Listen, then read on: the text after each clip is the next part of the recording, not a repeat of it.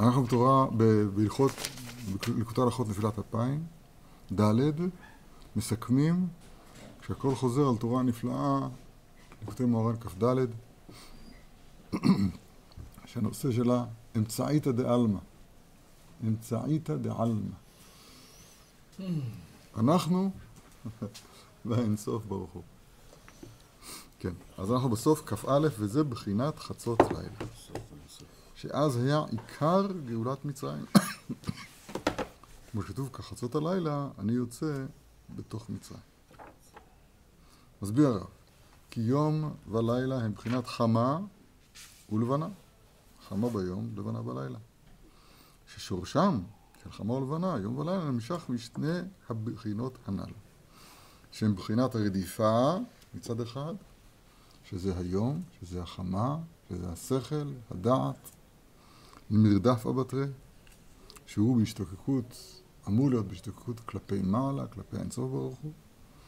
והלילה, הלבנה הוא בחינת המעכב הנ"ל. והבתישה ביניהם היא אה, באופן פלאי, הנה, ועל ידי שניהם יחד דייקה משיגין השגת אלוהותו בבחינת מטה ולא מטה. נוגע ולא נוגע, מגיע ולא מגיע. בבחינת תכלית הידיעה אשר לא נדע כנ"ל. ועל כן, ועל כן שם נכללים יום ולילה יחד. בבחינה הזאת, שזהו בחינת והיה יום אחד הוא יוודע על השם לא יום ולא לילה. והיה לעת ערב יהיה אור. לילה כיום יאיר, כחשיכה כאורה. אני מוסיף. כי לעתיד נזכה להשגה הזאת שנמשכת על ידי כלליות הרדיפה והמעכב יחד כאן ביחד וכנ"ל, ששם נכללים לילה ויום יחד כנ"ל. ועל כן יהיה אז יום אחד אשר הוא לא יום ולא לילה, כי שם הוא למעלה מהזמן. ושם נכלל יום ולילה יחד.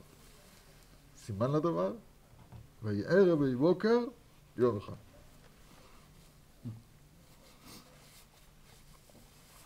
כן, זה אותו יום אחד של... אה, יום אחד, כן. יום אחד, זה, הרב לא מדגיש את זה, אבל זה ודאי זה טבעי פה להדגיש את זה. והיה יום אחד, הוא יוודע על השם, לא יום ולא לילה. טוב, וזהו, והיה לעת ערב, כן, והיה ללשון שמחה כזכור, והיה לעת ערב יהיה אור, כי עיקר השגת האור, שהוא אור אינסוף, הוא על ידי המסדר והמיישב. שהיא בחינת המעכב הנ"ל, שהיא בחינת חושך.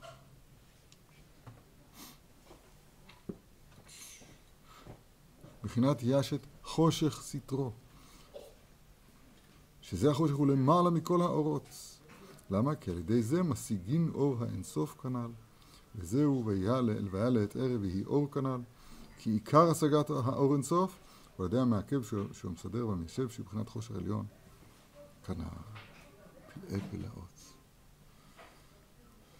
איזה יופי, הכי יפה, מה שיפה פה, שזה הדבר הזה משתלשל עד למציאות הפרטית הקטנה שלנו, על כל צעד ושעה.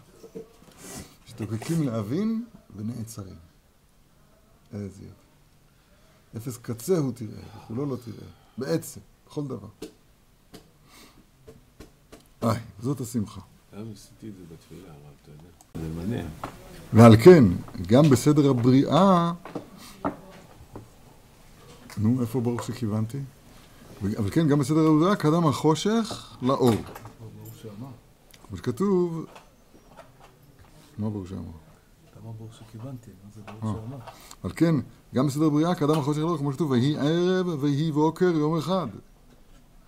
אומרת הגמרא בשבת ע"ז, למדנו את זה כמה פעמים, ברשע חשוכה והדר נהורה.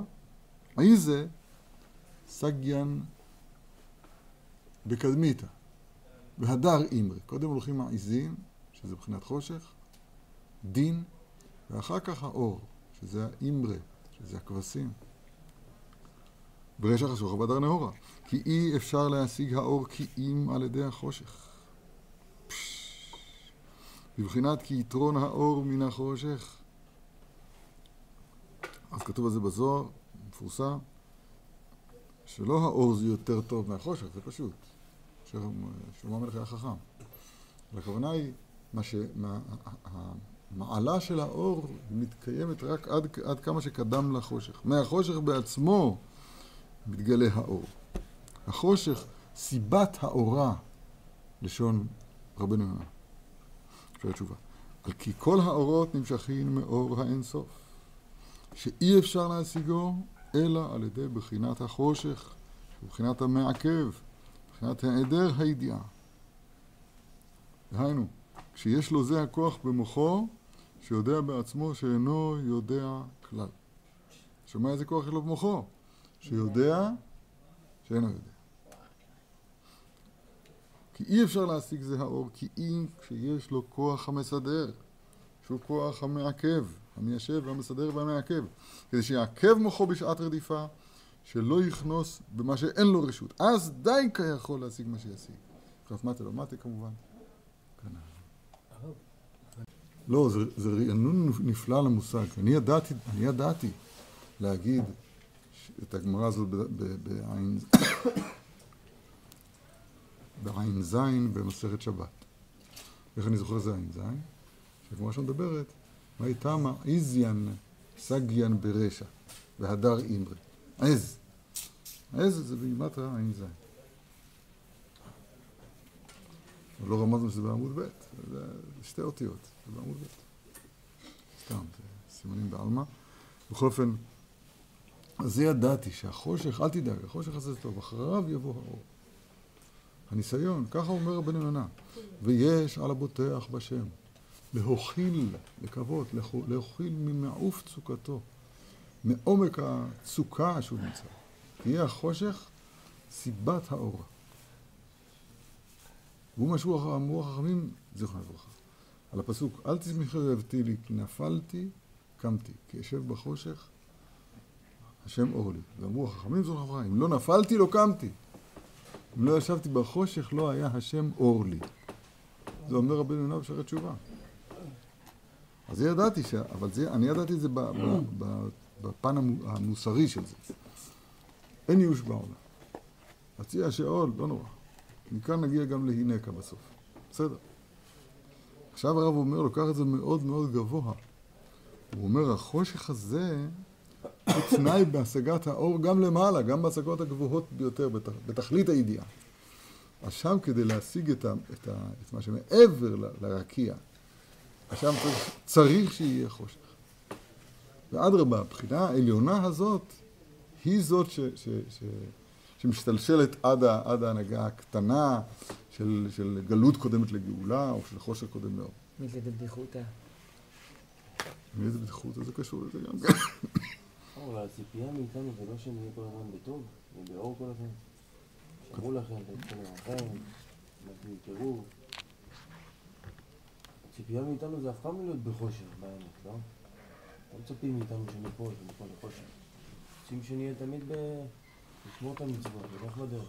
החושך, כמו שמוגדר כאן, זה הבחינה המעכבת מהשגת האינסוף ברוך הוא. יש, מאיתנו ציפייה שנשיג את אור האינסוף ברוך הוא בעולם הזה? שהתורתנו תהיינה בראשינו? ודאי שלא, אתה יודע שלא. כן או לא? עושים בפרוזדור, לא בתרגלים. כן או לא? מה? למען תזכרו זה שתהיו, בהשגת אור האינסוף? לא, אבל מה, זה החושך שרבנו מתכוון אליו? מה זה החושך הזה? רבנו יונה מדבר על כל חושך שיש בעולם. שאדם נמצא במעוף צוקתו. זאת אומרת, נמצא במקום מאוד מאוד נמוך. הוא צריך לבטוח בשם, כי החושך הזה הוא יהיה סיבת האורה. ככה מנהיג הקדוש ברוך הוא לומר, ויהי ערב ויהי בוקר. ולית נהורה אלא ההוא דנפיק מגור חשוך, כמו שקראנו עכשיו. אוקיי, אני עד עכשיו ידעתי את הפן המוסרי של זה, על דרך העבודה. כמו שהרב שלנו כאן עכשיו מגלה, השורש של זה הוא, הוא בגובהם ורומים.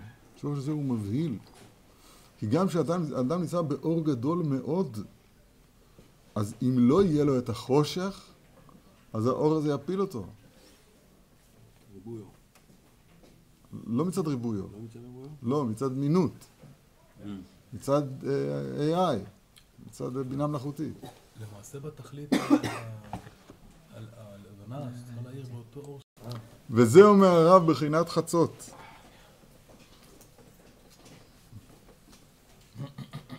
אני יודע שיש חצות יום, אבל בספרים כתוב שיש גם חצות לילה, זה אף פעם לא הבנתי מה זה הדבר הזה. וזה בחינת חצות. שנקודה האמיתית של חצות לילה, הנה, כתוב מפורש, קשה להשיג. עד שאמרו רבותינו זכרם לברכה שאפילו משה לא ידע חצות אימת. הוא אמר, קח חצות. כי, בח... כי בחצות הלילה, כן, השם יתברך אומר, בחצות, בח... בחצות, אני עובר בתור מצרים. וכשמשה רבנו אומר את זה להצטגניני פרעה, אז הוא אומר להם, קח חצות. אפילו משה רבנו, לעולם ירגיל האדם מוצא עצמו לומר, איני יודע. זה החושך הזה, שהוא הקדמה לאור. למה? כי משה לא ידע? למה מה? לא? זה מה שכתוב כאן, כן. זה שכתוב בגמרא. כי נקודת חצות אמיתית קשה להשיג. כי בחצות הלילה אז מתחיל להתנוצץ אור היום. אפשר לכאורה כבר לומר ברכות השחר,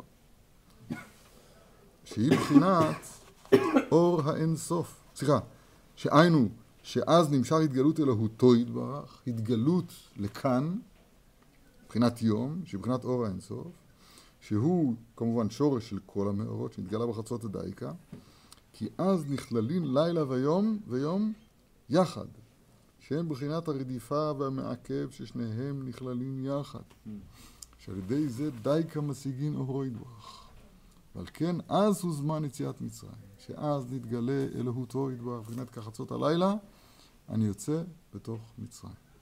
דהיינו, שאז בחצות כביכול, שיתברך בעצמו יוצא ומגלה עצמו, שעל ידי זה יוצאים ממצרים שהם כלל כל הגלויות. כי הקליפות שהן הכפירות, שהן עיקר הגלות, נתבטלים ונכנעים על ידי התגלות אלוהותו, שנתגלה בחצות דייקה. שאז בעת הנקודה של חצות לילה, אז נכללים האור והחושך יום ולילה יחד, שהם בחינת הרדיפה והמעכב שנכללים יחד, שעל ידי זה נתגלה השגת אלוהותו כנ"ל. זו נקודה מאוד מאוד מאוד יסודית וחשובה, שאפשר קצת להבין אותה. אומר הרב, עוד פעם, זה הכל, זה הכל מהפכה במושגים. אני, ידע, אני ידעתי שנקודת חצות היא תחילת האור, תחילה, נקרא לזה מחשבית של האור, כי בפועל אין פה אור, זה חושך גמור. המקביל של זה ביום, בחצות היום, זה שעכשיו זה נקרא, התחיל הערב הראשון של השמש. חצות היום, מה זה בין הערביים? זה בין נקודת הערב, הערב הראשונית, שהיא בחצות היום, עד הערב האמיתי, או המעשי, הבפועל, שהוא שקיעת החמה. והזמן שבינתיים נקרא בין הערביים. זה הזמן שקשה לקורבן פסח. אגב יציאת מצרים. אז שוב, אני חשבתי שמקביל לזה, נקודת חצות, גם בלילה, אז היא השורש המחשביי, בלי שום גילוי בפועל, של היום. עכשיו הרב מוסיף על זה רובד מבהיל. הוא אומר, השורש המחשביי הזה הוא בעצם הגילוי העליון ביותר האפשרי. זה, זה זמן שבו היום והלילה הם שווים. זה מבהיל. זה כתר. מה? יש יום אבל אני לא משיג אותו. אני יודע להגיד במילים שלו, תראה. מבחינת הרדיפה והמעכב. כי אז מתחיל להתנוצץ אור היום, נמשך התגלות אלוהותו יתברך שכונת אור האינסוף שהוא שורש כל המאורות, של כל המאורות, שנתגלה בחצות דייקה. מה שיהיה אחר כך זה פחות. הבפועל הוא פחות ממה שמתגלה בנקודה השורשית הזאת. זה, זה החידוש הגדול מאוד שכתוב פה. שהפוטנציאל, הזרע, הנקודה הראשיתית, אז, אז היא, היא יותר אור מכל מה שיתגלה אחר כך. זה ט"ו בשבט, לא? בגר"א כתוב שאחרית בגימטריה כתר. אחרית זה הסוף, זה סוף המעשה. סוף המעשה שאז יום אחד יוודע לשם, נכון? יום אחד יוודע לשם. לא יום ולא לילה. זו הנקודה התכליתית, יהיה כזה יום. השורש שלו הוא בכתר. הנקודה הראשיתית, שורש כל הרשיות. עכשיו תשמעו טוב. אני בשיעור, תמיד בשיעורים על חנוכה, בכל שנה אני מזכיר את, את הנקודה הנכונה הזאת, אני חושב.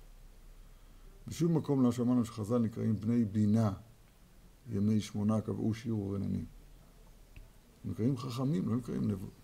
הם לא נקראים בשם עצם של בני בינה. השאלה מובנת או לא? לא, לא. אתה לא מקשיב. נכון. אתה תריד ל... מודה, מודה, מודה, תריד למיכל. סימן לאנשים, לא? מודה? לגמרי. זה לא סימן לאנשים? מודה, גם עכשיו, אוכל לא תפוח ולא אגס. מודה. שניהם ביחד. חז"ל נקראים בדרך כלל חכמים. חז"ל זה ראשי תיבות, חכמים, זיכרונו לברכה.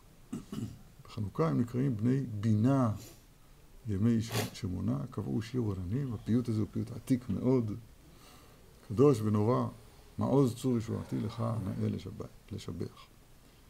אז שם ביוונים נקבצו עליי, אז מסיימים בני בינה ימי שמונה, קבעו שיר ורננים. בסדר? אז כל אחד מתפעל מזה שחכמים נקראים שם בני בינה דווקא.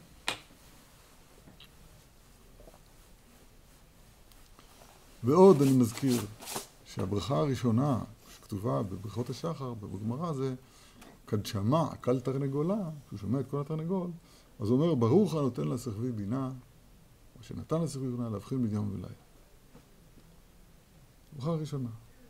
נותן לשכבי בינה להבחין בין לילה.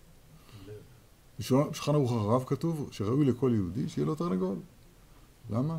שיעירנו בחצות. פעם התרנגולים היו מכוונים טוב, והיו קוראים בחצות. היום הכל מקולקל. סחבי זה תרנגול. או מי נתן לסחבי בינה. מה בינתו של הסחבי? להבחין בין יום ולילה. מה זאת אומרת? מי לא מבחין בין יום ולילה? כל צפרדע מתחילה, תגיד לך, עכשיו יום, עכשיו לילה. מה ניתן לתרנגול? התש- התשובה היא, הקונץ הוא לא להבחין ביום ולילה ביום. הקונץ הוא להבחין בין יום ולילה בלילה. באמצע הלילה להגיד, זהו. תראו, זו נקודה שקשה לה- קשה להשיג. הקדוש ברוך הוא שם, בסחבי, שהוא גם הלב דרך אגב, כן? הוא נתן בס- בסחבי את, את, את, הכוח הזה לראות בעומק הלילה את תחילת האור. זה, זה הפירוש הפשוטים. הינקה. אני רוצה להזכיר שהנקודה הזאת של חנוכה היא עומדת כנגד הכפירות, כנגד יוון. יוון, אני מזכיר ברפרוף רק, מי ששמע את הדרושים של חנוכה, תמיד אני מדבר על זה, זה מאוד נכון בעיניי. יוון, תחילתו בחוכמה. בחוכמה. וזה אותיות שמו, י' שזה החוכמה, והי' הזה מתארך לו', והו' הזה מתארך לנון, ועל זה נאמר, טבעתי באבן מצולה, ואין מעומת. זאת אומרת, כן, שאדם שהולך אחרי חוכמתו, ואין מעל לחוכמתו כלום, אז זה ההליכה, זה אחריתו עדי עובד. זה, זה, זה מבחינת הכפירות, כל הכפירות שמדובר פה, של המחקרים, וזה, זה הכל, שורשם ביוון. זאת המינות המפורסמת, שהיו אומרים, המינים אומרים, אין עולם אלא אחד. המילה מינות מופיעה ברבותינו בכמה אופנים. אני מדבר עכשיו על האופן הזה. לא של עבודה זרה, אלא בבחינת שאין עולם אלא אחד. אין מעבר להשגתי כלום, כפרו בכל מה שראו בעיניהם.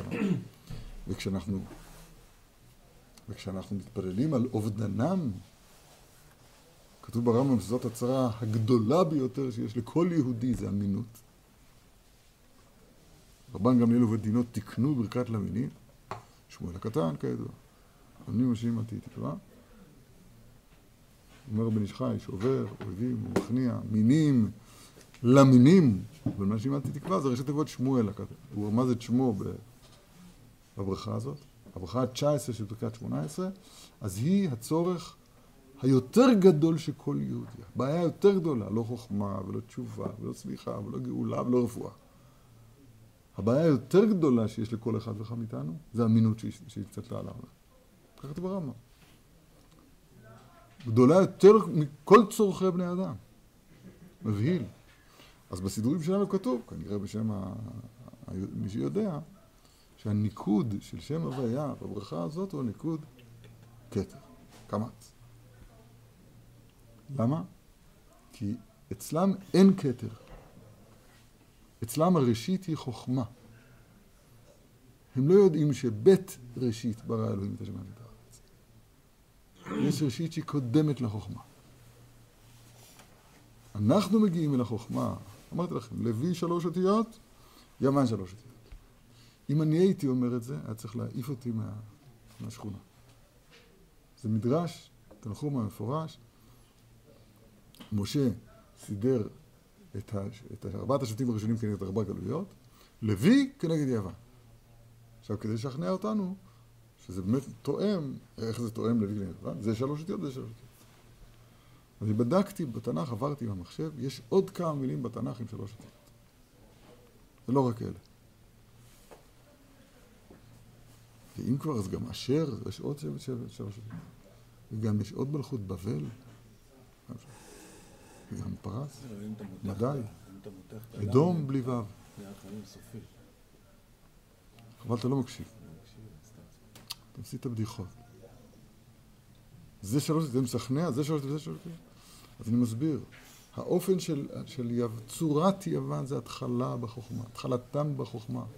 זה מי שמתחיל בחוכמה, בחוכמה, כאילו באור. מתחיל באור. מי שמתחיל באור, אז אחריתו עדי עובד. טבעתי באבן מצול- מצולה ואין מעמד, ואין שם עמידה. ביצה טובענית. אנחנו מגיעים אל החוכמה אחרי הלימוד, אחרי הלמד. הלמד, שהיא האות ש, ש, שראשה בשמיים, שהיא עולה מעל הרקיע, מעל השיטה, מעל השרטוט. כדי להגיע אל החוכמה צריך להתחיל בחושך, והחוכמה מאין תימצא. ואיזה מקום בינה. החוכמה מאין תימצא. מאין זה מקום שהוא חשוך, הוא בלתי מושג אצלי. מאין בטל? אני לא יודע. החוכמה מתחילה אצלנו ב"אני לא יודע", בקושייה. סוד הקושייה. אז מאיר תמיד נכנס כשאני אומר שניים מכוח התרגום. אז כבר- אז אז זה נכנס לי, אתה מבין? בסוף הוא יבין את זה. בסדר. איזה דבר מבהיל. ואז והיוד של הלוי זה המשכה של החוכמה. כן, אז ואז. מגיעים אל היוד, שהיא החוכמה.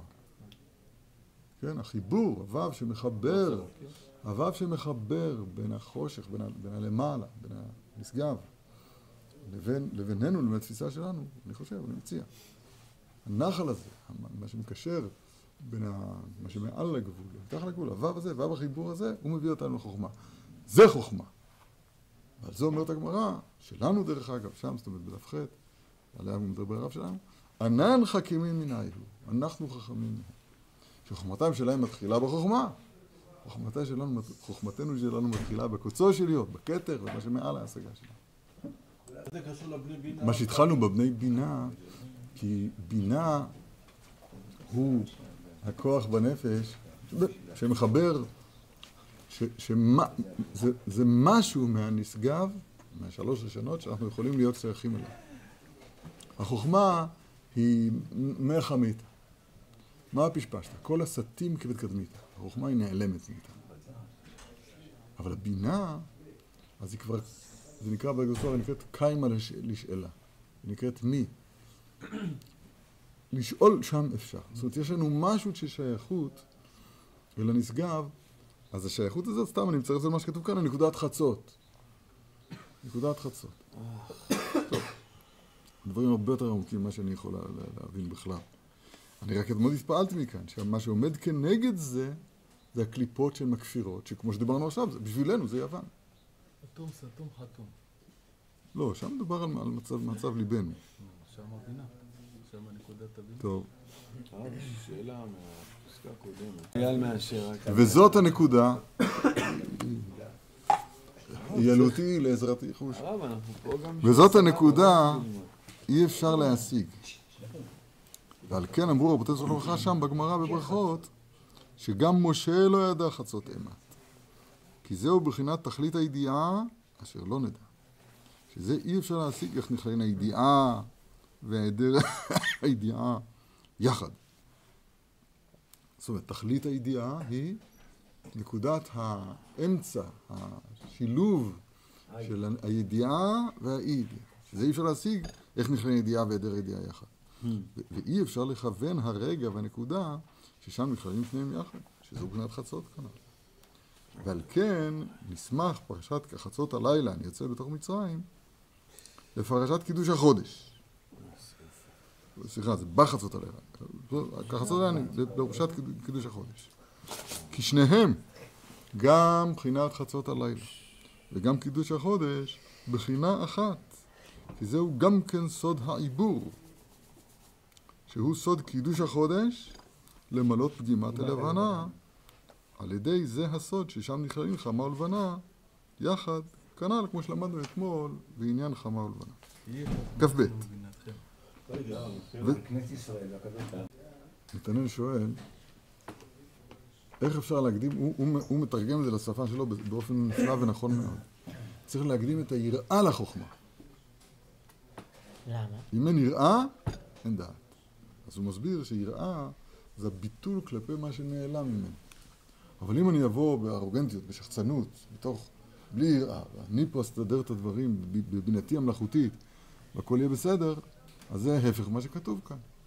אז הוא שואל, הבנתי, אבל תלמד אותי בבקשה איך אפשר להקדים את היראה לחוכמה. אז התשובה שאני שגורה בפי תמיד היא, מה שאתה חושב, שים בצד. ותעמוד, עוד פעם, כשאתה עומד מול תורה, או מול הנהגת השם יתברך בעולם, שזה גם כן תורה. כל מה שאתה בא, אם אתה רוצה ללמוד חוכמת התשבורת, זאת אומרת דברים של העולם הזה, אז זה משהו אחר לגמרי. ואם אתה אומר, רוצה ללמוד ספר הטלפונים בעל פה, זה משהו אחר לגמרי. אבל אם אתה רוצה ללמוד חוכמת אמת, חוכמת הבורא יתברך, אז אתה, כדי ללמוד את החוכמה הזאת, אתה צריך קודם כל לפנות את לבך מהחוכמות האחרות שמקשקשות בלבך. בליבי, זה לא אתה השם, כולנו ככה, נכון? וההוראה היא הס ואחר כך כתת. הסכת הוא שמע ישראל. אומרת הגמרא, הס ואחר כך כתת. הס, מאיר יכול להסביר לך את זה כמה טוב. שתוק, שתוק ממה, ממה שיש לך לומר. את מה ש... במילים קצת יותר גסות, את מה שיש לך לומר, תאפסן, יש שם קופסה בכולל, ליד הקופסה של הפלאפונים כולם מונחים שם, הכשרים. אז יש שם עוד קופסה, בקופסה ההיא יש את כל השכל שלך. שם תשליך את השכל שלך. ועכשיו כשאתה בא לשמוע, אז מה אני אעשה? לא יודע, אני, אגיד לכם לבטא נכון את המילים, אני אגיד לך את פירוש המילים, זה עדיין לא העסק. אני אלמד אותך להכין את הכלים, ואז, בעזרת השם, תזכה, זה היראה, ואז תזכה שלתוך הכלי הזה של היראה שהכנת, עכשיו יאיר עליך, תאיר עליך החוכמה מלמעלה. באופן שלא אתה אומר אותה, אלא בעל החוכמה בעצמו אומר אותה דרכך. השם שפתיי תפתח, ופי יגיד חוכמתך. שהיא תהילתך. אצל משה רבנו זה היה בשלמות, אז שכינה מדברת מתוך גרונו. אני שמעתי אותו קצת אחרת. כן, אני אגיד, אני אגיד, אני אגיד, אני אגיד את מה שאייל אומר בשפה יותר מובנת זה לנו. השתוק הזה. זה, אייל מתכוון להגיד, זה מסירות נפש. לא להגיד את מה שאני חושב, זה כאילו אני לא פה. אין דברי תורה מתקיימים, אלא במי שמשים עצמו כמי שאינו. אסביר לך. גם, אני, אני אסביר לך את זה טוב. למשל, השלב הראשון בחוכמת התורה הוא תקנה גמרא. ואין לי מניות בחברה, אבל אני ממליץ על עוז והדר. בסדר? החוכמה הזאת שאמרתי לך עכשיו, לא צריך לשתוק. או השתיקה כדי לקנות את החוכמה הזאת, היא לא השתיקה שעליה אנחנו מדברים. פשוט תרשום, יש לך עיפרון, תרשום. עוז ומה? והדר. בסדר? גמרא כזאת, כן? איזה גמרא אתם לומדים? את הגמרא הזאת והזאת. תביא את הגמרא הזאת, בסדר? אחר כך תקנה סטנדר. יש בזה, יש, יש ממתכת, יש כל מיני פטנטים וזה, נכון, אני צריך את זה אחר כך. כל זה זה חוכמה אנושית, זה חוכמה טכנית, נכון? עכשיו זה, זה מתעלה יותר מזה. תראה, באמצע זה הגמרא, בצד הפנימי זה רש"י. מי שאומר שרש"י בצד שמאל ובצד ימין זה פשוט לא נכון, כי זה אחר כך מתהפך בדף, השני, בסדר? ומה שבצד החיצוני זה תוספות נקרא. מה זה רש"י? אני אסביר לך אחר כך, זה, זה פירוש וזה תוספות, זה, יש בזה עניין, בסדר? אחר כך, פירוש המילה הזה, כל, כל ההכנות האלה, מקניית הגמרא ועד הפירוש, ועד אפילו ללמד אותך איך, איך שמים, איך מקשיבים לרש"י, כל זה זה חוכמה, זה מיומנות, קוראים לזה ב... בלשון מודרית, מיומנות, אתם מכירים את המילה הזה מיומנות. יש מיומנות בנהיגה ברכב, מיומנות בצילום, מיומנות ב... ב, ב, ב מיומנות בלימוד. זה עוד לא החוכמה. עכשיו, איפה, איפה נכנסת החוכמה המדוברת? החוכמה, שעכשיו אני אלמד לך איך מקשים קושייה, וזו עבודה קשה מאוד, אני רואה, ואז אתה תראה ש, שאני לא מספיק יש פה ספר משלי. יש לי משלי עם הגרא בבית, אני חייב להביא אותו. הפסוק אומר ככה, משיב דבר בטרם ישמע, איוולת היא לו, וכלימה. משיב דבר. צריך לזכור להביא את הגר"א. משיב דבר בטרם ישמע, איוולת היא לו, וכלימה. רש"י לא, לא מפרש, כי לא צריך לפרש את הפסוק הזה. אתה תראה שכשתנסה לעשות את הדבר הזה, ששואלים אותך שאלה, אז יש בך איזושהי תכנות. כאילו כבר הבנתי ויש לי כבר. כן, ואתה חושב, ולא לא זו בלבד, אלא אתה ברור לך שזה מה שאתה צריך לעשות. למצוא פתרון? נכון? הלמה זה דומה? לפתרון תשבצים. סגור לי את הפינה. עיר בשלוש, צפון אותיות. אני לא זוכר כבר מה, איך אני מבלבל את זה שם. נכון? פתרון תשבצים. ובכן, זה מה שאומרים לך שלא. כשאתה אומר את הקושייה, תלמד את עצמך לא לחפש תירוץ. כי כשאתה מחפש את התירוץ, אתה מחפש אותו, אתה מכיר את זה, שזה, את זה שרואים אותו, שהוא מחפש, מחפש משהו מתחת לפנס, בלילה. שואלים אותו, מה אתה מחפש? אה, נפל לי פה אה, ש... מחט, יהלום. יופי, איפה הוא נפל לך? שם איפשהו. למה אתה מחפש אותו פה? פה יש אור. שם חשוך. נכון? זה משל מזעזע ומטומטם. הנמשל זה אנחנו, רבו ישראל, כמו שאומרים. זאת אומרת שאנחנו מחפשים את, את התירוץ כאילו השאלה הייתה שאלה בתשבץ. ואני לא צוחק, זה דבר מזעזע. זה דבר מזעזע. עכשיו, יש איזה כולל, לא משנה באיזה מקום בארץ, שאתה יכול, תקשיב שם פעם, רואים את קושיית התוספות, ורואים שם במוחות כל הלומדים, שמבינים, מה השאלה בכלל? אפשר להגיד ככה הרי. למה? כי הם מחפשים תחת האור כבר... זה נקרא, על זה נקרא, אז זה נקרא משיב דבר בטרם ישמע, איוולת היא לו וכלימה. רק ככה או בכל דבר? מה? בחוכמת התורה אנחנו מדברים. אתה אומר גם בתשבורת, אלגברה. לא, שם. גם שם יש, לא. צריך לשתוק כדי להקשיב למורה. בסדר, אז זה אמרתי לו, גם צריך, כשאני אומר לך עוז והדר, אל תרשום וגשל. אמרתי לך עוז והדר. אני אקחו את זה גם הפוך, כי אני לא, באמת אין לי מניות, לא כאן ולא כאן. בחלק הטכני, ההקשבה הטכנית, זה הקשבה נפולה, לא על זה אנחנו מדברים. בשאר החוכמות אין את הדבר הזה. כי שאר החוכמות הן לא אלוהיות, הן לא באות מלמעלה. הקושייה היא הכוח המיישב והמעכב והמסדר. זה העמידה מול הנעלם.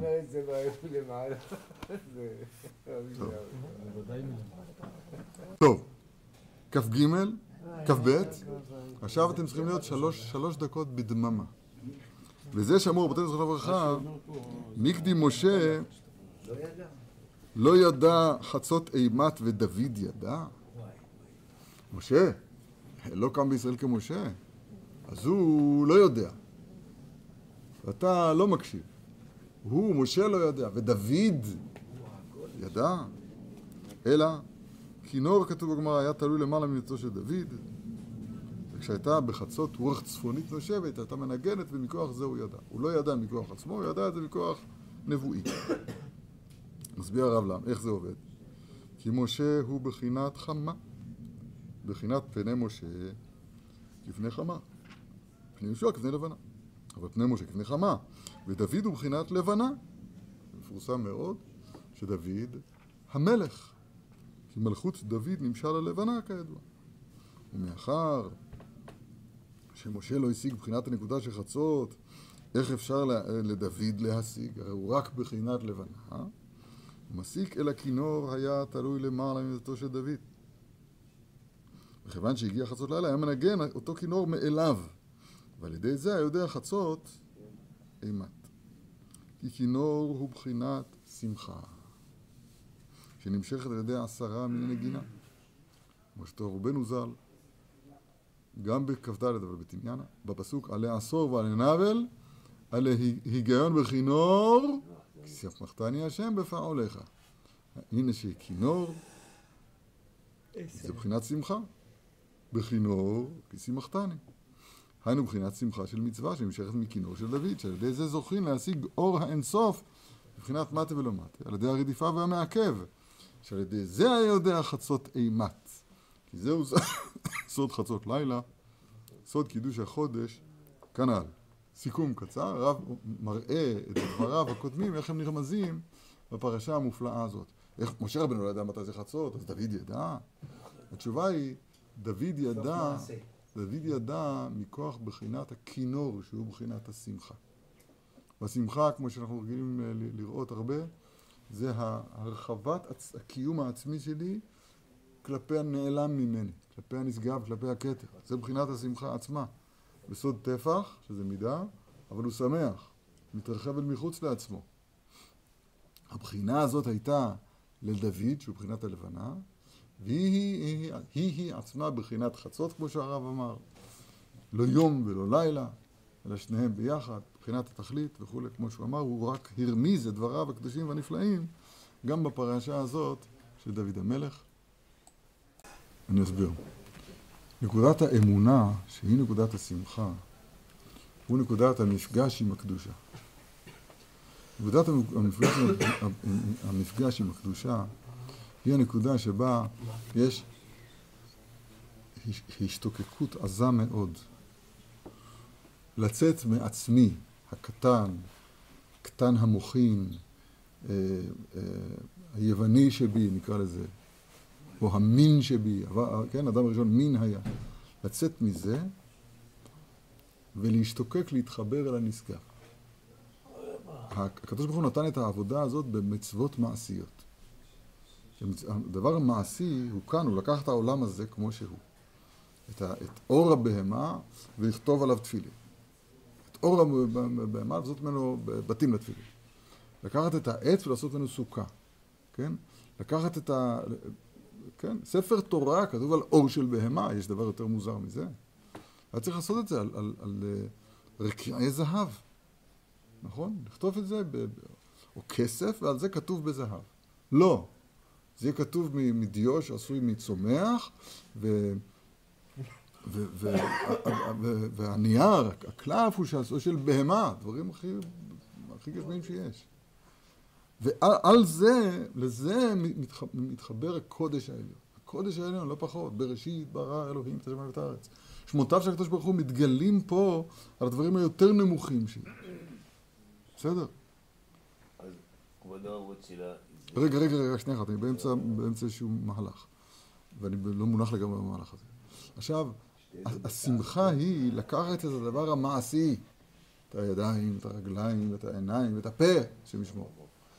ועכשיו בדבר, בדבר, את הדבר הזה שהוא, שהוא מצד עצמו מצומצם בתוך עצמו. גם הקוף אוכל. נכון? גם הקוף אוכל. גם, ה, גם הנמלה אוכלת. זה מעשה שמשותפים בו כל, כל הנבראים כולם. אבל אצל, אצל ישראל כשאוכלים ושותים בשבת קודש, או ביום שמחתכם, יום השמחה, אז קורה דבר פלא. שמתחילים לדבר שירות ותשבחות. דברי תורה, שירות ותשבחות. מה קרה? הם אוכלים ושותים. אומות העולם אוכלים ושותים, עושים מה שעושים כשאוכלים ושותים. עושים דברי זימה, הללו אומרים, הללו אומרים. ישראל אוכלים ושותים, זה מדרגת הקדושה שכולנו שייכים בה, ככה, באיזושהי מדרגה, שייכים למדרגה הנוראה הזאת. הבחינה הזאת, אני מבין שהיא בחינת קיום מצוות בשמחה. וקיום מצוות בשמחה הוא-הוא מעשה ההתחברות שלנו אל הנשגב. כן? יש, יש בדבר הזה בעצמו את הרדיפה ואת המעכב והמיישב והמסדר. כי אני, למה? כי אני ברדיפה בעצמה רוצה מאוד, אבל אני יודע היטב, נאמנה, שאין לי השגה באינסוף כלום. נקודת השמחה, בסדר? זה נקודת חצות, זה קידוש החודש. זה, זה הנקודה המופלאה הזאת של תורה כ"ד. ועל כן דוד זכה, דוד דייקה זכה לזה. כי דוד היא בחינת מלכות משיח. היא בחינת התערבותא דלתתא. בבחינת עורא כבודי, עורא הנבל וכינור, העיר השחר. בצד. ודרשו רבותינו זכרם לברכה, זה תחילת הטור כידוע, אני מעורר השחר, העיר השחר, אני מעורר השחר, בן השחר מעורר אותי. היינו שזכה להתערותא דלתתא קודם התערותא דלעילא. כמו שפרשת תז, שם, בתחילת השולחן ערוך. זאת אומרת, הפירוש המוסרי הפשוט, על דרך העבודה של הדבר הזה, אני לא מחכה למשהו מבחוץ שידחוף אותי כלפי המעשה. כלפי המעשה, כלפי הדיבור, כלפי המחשבה. ההנאה שלי היא לא מבחוץ. פעם היו מניעים את הרכב כשהוא לא נדלק ודוחפים אותו. היום אין הילוכים, אי אפשר לעשות את זה. אלא, או עמנואלה, גם זה מבחוץ. ההנאה, לכן אולי, אולי מכוח זה היום רכבים הם כאלה. כשאתה מניע אותם תמיד מבפנים, ההנאה היא עצ- עצמונית, כן? אני מאיר את השחר, בן השחר מאיר אותי. כי משה רבנו הוציא את ישראל ממצרים שהיא גאולה הראשונה, שאז היה קודם קבלת התורה, שהכרח היה לגע העולם על ידי התערותא דלעילא לבד כנ"ל. ומחמת זה, אז נאסר החמץ.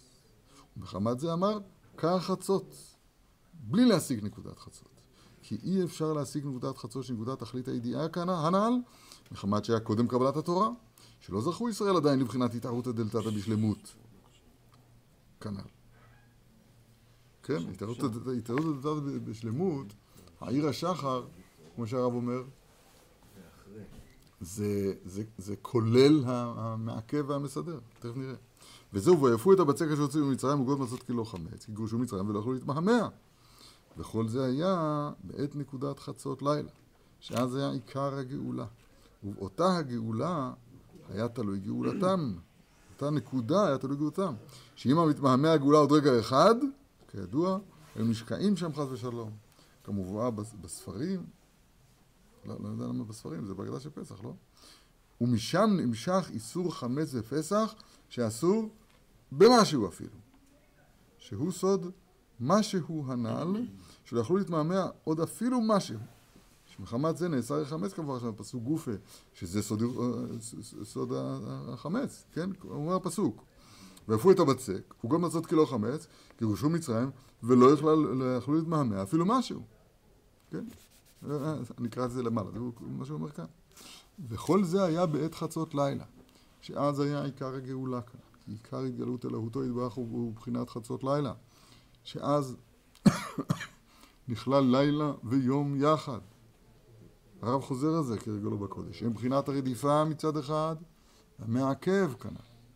ומחמת שאז לא זכו עדיין לבחינת כתר, ולא זכו עדיין לתקן מבחינת המעכב עד שבועות, כמו שלימד אותנו, מחמת שלא להם התערותא דלתתא בשלמות, על כן הוצרכו לצאת בחיפזון, ונאסר, חמץ אז באיסור חמור מאוד. כי כשההערה וההשגה נמשכת מלמעלה בלי התערותא דלתתא, צריך לרוץ אחריו יתברך בחיפזון גדול ולבדי להחמיץ בכו וליישב דעתו כלל.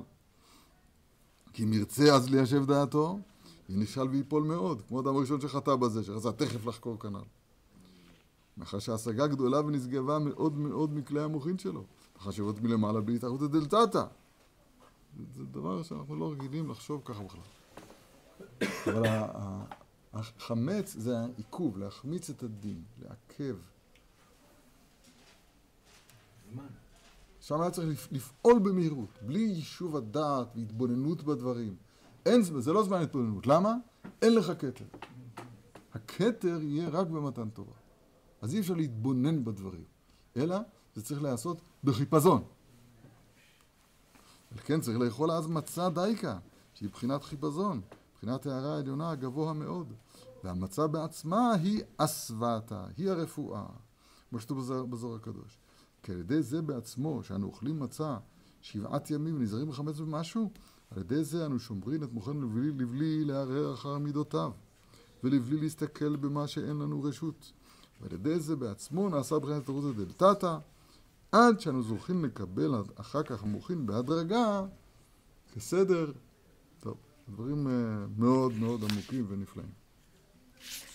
מקווה שלא נגמור את זה. ועל כן אחר פסח הותר החמץ. פלא עצום. קושיית רבי אלעזר בזוהר הקדוש נדמה לי, רבי יהודה. לא זוכר. למה, אם החמץ כל כך גרוע, תעשו אותו כל השנה. אוכל קרקרים, מה הבעיה? הנה, דרור אומר, אה, לכתחילה. מסביר הרב, אסביר לך למה הותר החמץ. כי כשהמוחין יורדים כסדר על ידי טעותא דלתתא, אז כל אחד לפי בחינתו זוכה לבחינת כוח המסדר והמשב את שכלו, ואז אין צריכים חיפזון. החיפזון, כן? כי, נמשך עלינו הערה מבחינת פחז כמים, אל תותר. כי נמשך עלינו הערה מבחינת תכלית ידיעה שלא נדע. ואז הותר ונצטכן החמץ. שתי הלחם של שבועות הוא חמץ בדווקא. ויתקן החמץ בקדושה על ידי כוח המסדר והמשב שנמשך עלינו שהוא הרת הכתר. כנ"ל. כי אין בין חמץ למצה אלא מה שהוא. שזה המה שהוא אי אפשר להשיג. שהוא סוד נקודת חצות לילה, סוד קידוש החודש, סוד תכלית הידיעה שלא נדע. שזה הסוד לא יתגלה עד שיבוא משיח בן דוד מרבי ימינו, שאז תהיה הגאולה על ידי התורה, על ידי התערותא דלתתא, ואז יאיר עלינו הערת הכתר שישיג משיח, מבחינת ועד, ועד עתיק יומין מתה, ועל כן, מגיע, כן, עד שמגיע עתיק יומין, הערת הכתר, ועל כן אז נאמר כי לא בחיפזון תצאו, ובמנוסה לא תלכון, מנבא לנו ישעיה הנביא. השם הולך לפניכם. ואז יהיו נכללים משה ודוד ביחד. אור הלבנה כאור החמה. כי משיח יהיה כלול משניהם. משיח, זה מבחינת משה, עד כי יבוא שילה ולא יקהת עמים, שילה גימטריה משה, בן דוד. שמבחינת חמה ולבנה. רדיפה, שזה החמה, ומעכב, שזה הלבנה. שמבחינת דעת ואמונה, כי המעכב הוא בחינת אמונה, שהיא בחינת מלכות דוד. דהיינו שמעכב המוחין ברדיפתם רק לסמוך על אמונה. וכשזוכין שיהיו נכללים שניהם יחד, אז עיקר השגת אלוהותו יתברך, שאז, שאז יהיה בימי המשיח, שיהיה כלול משניהם, ממשה ודוד כנ"ל. ואז יצטכן חטא אדם הראשון בשלמות. וכל זה נזכה על ידי עשיית המצוות בשמחה, שעל ידי זה תהיה עיקר הגאולה, בבחינת כי בשמחה תצאו, על ידי זה נזכה להשגה הנ"ל. אשרי מי שיזכה לזה במהרה בימינו אמן. מה, זה לא, זה לא בתורה, האור של התורה? נקודת חצות זה לא אור של התורה, שאחרי שיש תורה זה גם ב... כן, זה, מכוח. שבועות שהוא מתן אם תורה. אתה בא מצד דוד, שאתה בביטול, אתה מקבל את משה מבחינת האלוקות. אלוקות. נכון מאוד. בסדר, בכל זאת אנחנו נקרא, נסכם איזה סיכום של כבר דברים שלמדנו, אז הרב נסכם את זה, פשוט לא להשאיר את הגיליון חלק. ונחזור לעניין ראשון שכל זה מבחינת סוד נפילת אפיים. שאז הוא תכלית הזי- הזי- הזיווג והייחוד שלמעלה. אחרי שים שלום, כידוע. כן, משים שלום בבית, שים שלום. שאז הוא תכלית הזיווג והייחוד שלמעלה, שזה היא בחינת השגת אור האינסוף על ידי כלליות, הרדיפה והמעכב וכנ"ל. ועל כן אחר נפילת אפיים, אומרים קדושה דסדרה, ובא לציון גואל. ואז יורדת ונמשכת השפע למטה, כידוע, בכוונות, למי שיודע. כי עיקר המשכת השפע למטה, על ידי כוח המסדר את המוחין, שהוא כוח המעכב את המוחין מרדיפתן. כי לפי רהיטת, דהיינו ריצת, ורדיפת המוחין למעלה למעלה להשיג אור האינסוף, אם לא היה כוח מעכב הנ"ל, היו המוחין עולים למעלה, ויוצאים מכליהם, והיו מתבטלים לגמרי. הנה האדם הראשון. ואז בוודאי לא היה שום שפע יורדת למטה. מאחר שהיו המוחין עולים ולא חוזרים כלל. והיה באמת חס ושלום נחרב העולם. כי זה מבחינת מיתת המלכים, ריבוי אור כידוע. מחמת שלא היו כלים ראויים לקבל האור, וחזרו האורות שהם המוחין למעלה לשורשם. אבל על ידי כוח המסדר, שנמשך מבחינת הכתר, שזה סוד השתיקה, כמו שהרב אומר בעצמו, בתחילת הליקוטים. שעל ידו עיקר תיקון כל העולמות, על ידי זה, כשהמוחין רודפין למעלה, אזי זה הכוח המסדר שהוא הכוח המעכב, הוא מעכב אותה ברדיפתם. ואז מחמת מהירת רדיפת המוחין והמעכב, והמעכב מעכב אותם, אזי מכה הרדיפה במעכב, זה סוד הבתישה, עד שנעשים על ידי זה תשעה היכלים דלה וינו נהורים, כמו שכתוב שם, שעל ידם משיגין אור האינסוף ברצו ושוב, מבחינת מטה ולא מטה כנ"ל. אגב, אייל הזכיר, זה כתוב בהרבה מאוד סידורים של הספרדים, מופיע הקטע הזה בעצמו מהזוהר הקדוש, פרשת נוח, דף ס"ה, הרמית ידיי בצלו, לעילה לעילה, כל מה שכתוב שם, כתוב שכדאי לקרוא את זה פעם. הרי חצות אומרים את זה. איך? גם. כן, גם. זה מופיע אחרי, אחרי פתח אליהו. אחרי פתח אליהו. שידם משיגים אור האינסוף ברצו ושוב, מתי לא מתי, ועל כן על ידי זה ממשיכים ומורידים השבע למטה. כי על ידי הרדיפה נכללים המוחין למעלה בבחינת רצו, על ידי מעכב, הם חוזרים בבחינת ושוב. שלא יצא מגדר האנושי. ובחזרתם נמשך כל ההשפעות והברכות למטה. כי עיקר כל הברכות נמשכים משם. מזכיר לכם? מאור האינסוף יתברך שמו. שהוא מחיה את כולם והוא שורש כל הברכות וההשפעות שבעולם. ואי אפשר לקבל השפע כי אם על ידי הכלים שנעשים על ידי בחינת תשעה היכלים, שנעשים על ידי הרדיפה והמעכב. כנ"ל. ועל כן אומרים אז קדושה, הרי נפילת אפיים, שהוא קדושת ובא לציון, זה קדושת הסדרה, כי קודש היא בחינת המוחין כידוע. כן? חוכמת זה סדר קודשים. והם שלוש קדושות כנגד תלת קדוש קדוש קדוש, כנגד תלת מוחין, שנכללים יחד בשעת רדיפה, שעל ידי זה נעשים תשעה היכלים, כן, כלילותם ביחד, זה שלוש בשלוש, זה תשע, על ידי הרדיפה והמעכב כמובן בתורה, שם בתורה הנ"ל. ועל כן נקראת, זאת הקדושה הקדושה דסדרה דסדרה דייקה, על שם, על שם המסדר והמיישב את המוחין, שעיקר השפע יורדת למטה על ידי זה דייקה, כי על ידי זה חוזרים המוחין לתוך כליהם, ממשיכים שפע ורב טוב לבית ישראל כנ"ל. אמן ואמן. מעניין שפה הוא נותן דגש שזה דווקא בתפילה ולא בתורה. מאוד מעניין. נכון, זוכרים בבנת אפיים, נכון? הרב, אמת. אתה יכול להסביר לנו קצת יותר, אה, זה קורה אחרי העמידה? וזה קורה בסוף העמידה, סוף העמידה, כן? מיד אחרי העמידה. כי העמידה בעצמה היה סוד החיבור, ועכשיו התגובה שלנו אל החיבור הזה זה התבטלות אליו יתברך. זה נפילת אפיים. זאת אומרת, התבטלות תמיד פירושו שאני, שאני, שאני, שאני מבין, זה היראה שמקודם הזכרת. זאת אומרת, אני, אני, אני, אני, אני, זה לא מבין, המילה מבין פה לא, לא נכונה. אני יודע שאני לא אני- יודע, איך זה אחר אומר את זה? כן, כן. תכלית הידיעה שלא נדע. וזה נקודת התכלית. נקודת התכלית אז היא מתבטאת פה בפועל, בצורת העבודה שלנו, שאגב אנחנו היום לא מקיימים אותה. לדינה לא מקיימים אותה. הספרדים לא נופלים על פניהם. כי יש בזה סכנה ליפול על פניהם. לא יודע, כל מיני הסברים. אנחנו כל כך כל כך רחוקים מהדבר הזה. בסדר? איפה ההקבלה של החלק הזה כן, בזיכרון? אה, מה? מה שהאשכנזים עושים זה... זה כן, זה, זה, זה, זה מעשה, זה מעשה, אבל אנחנו לא יודעים מה עושים. לא. לא יודעים מה עושים. כתוב, כתוב באיזה שכתוב, לא זוכר, שמי שלא יכול ליפול על פניו, כי יהושע בן נון, שלא ייפול על פניו. יהושע בן נון, אגב, זה סוד לבנה. הוא, הוא הנופל על פניו הגדול. סוד הלבנה, שהוא הכוח המעכב והמסדר והמיישב.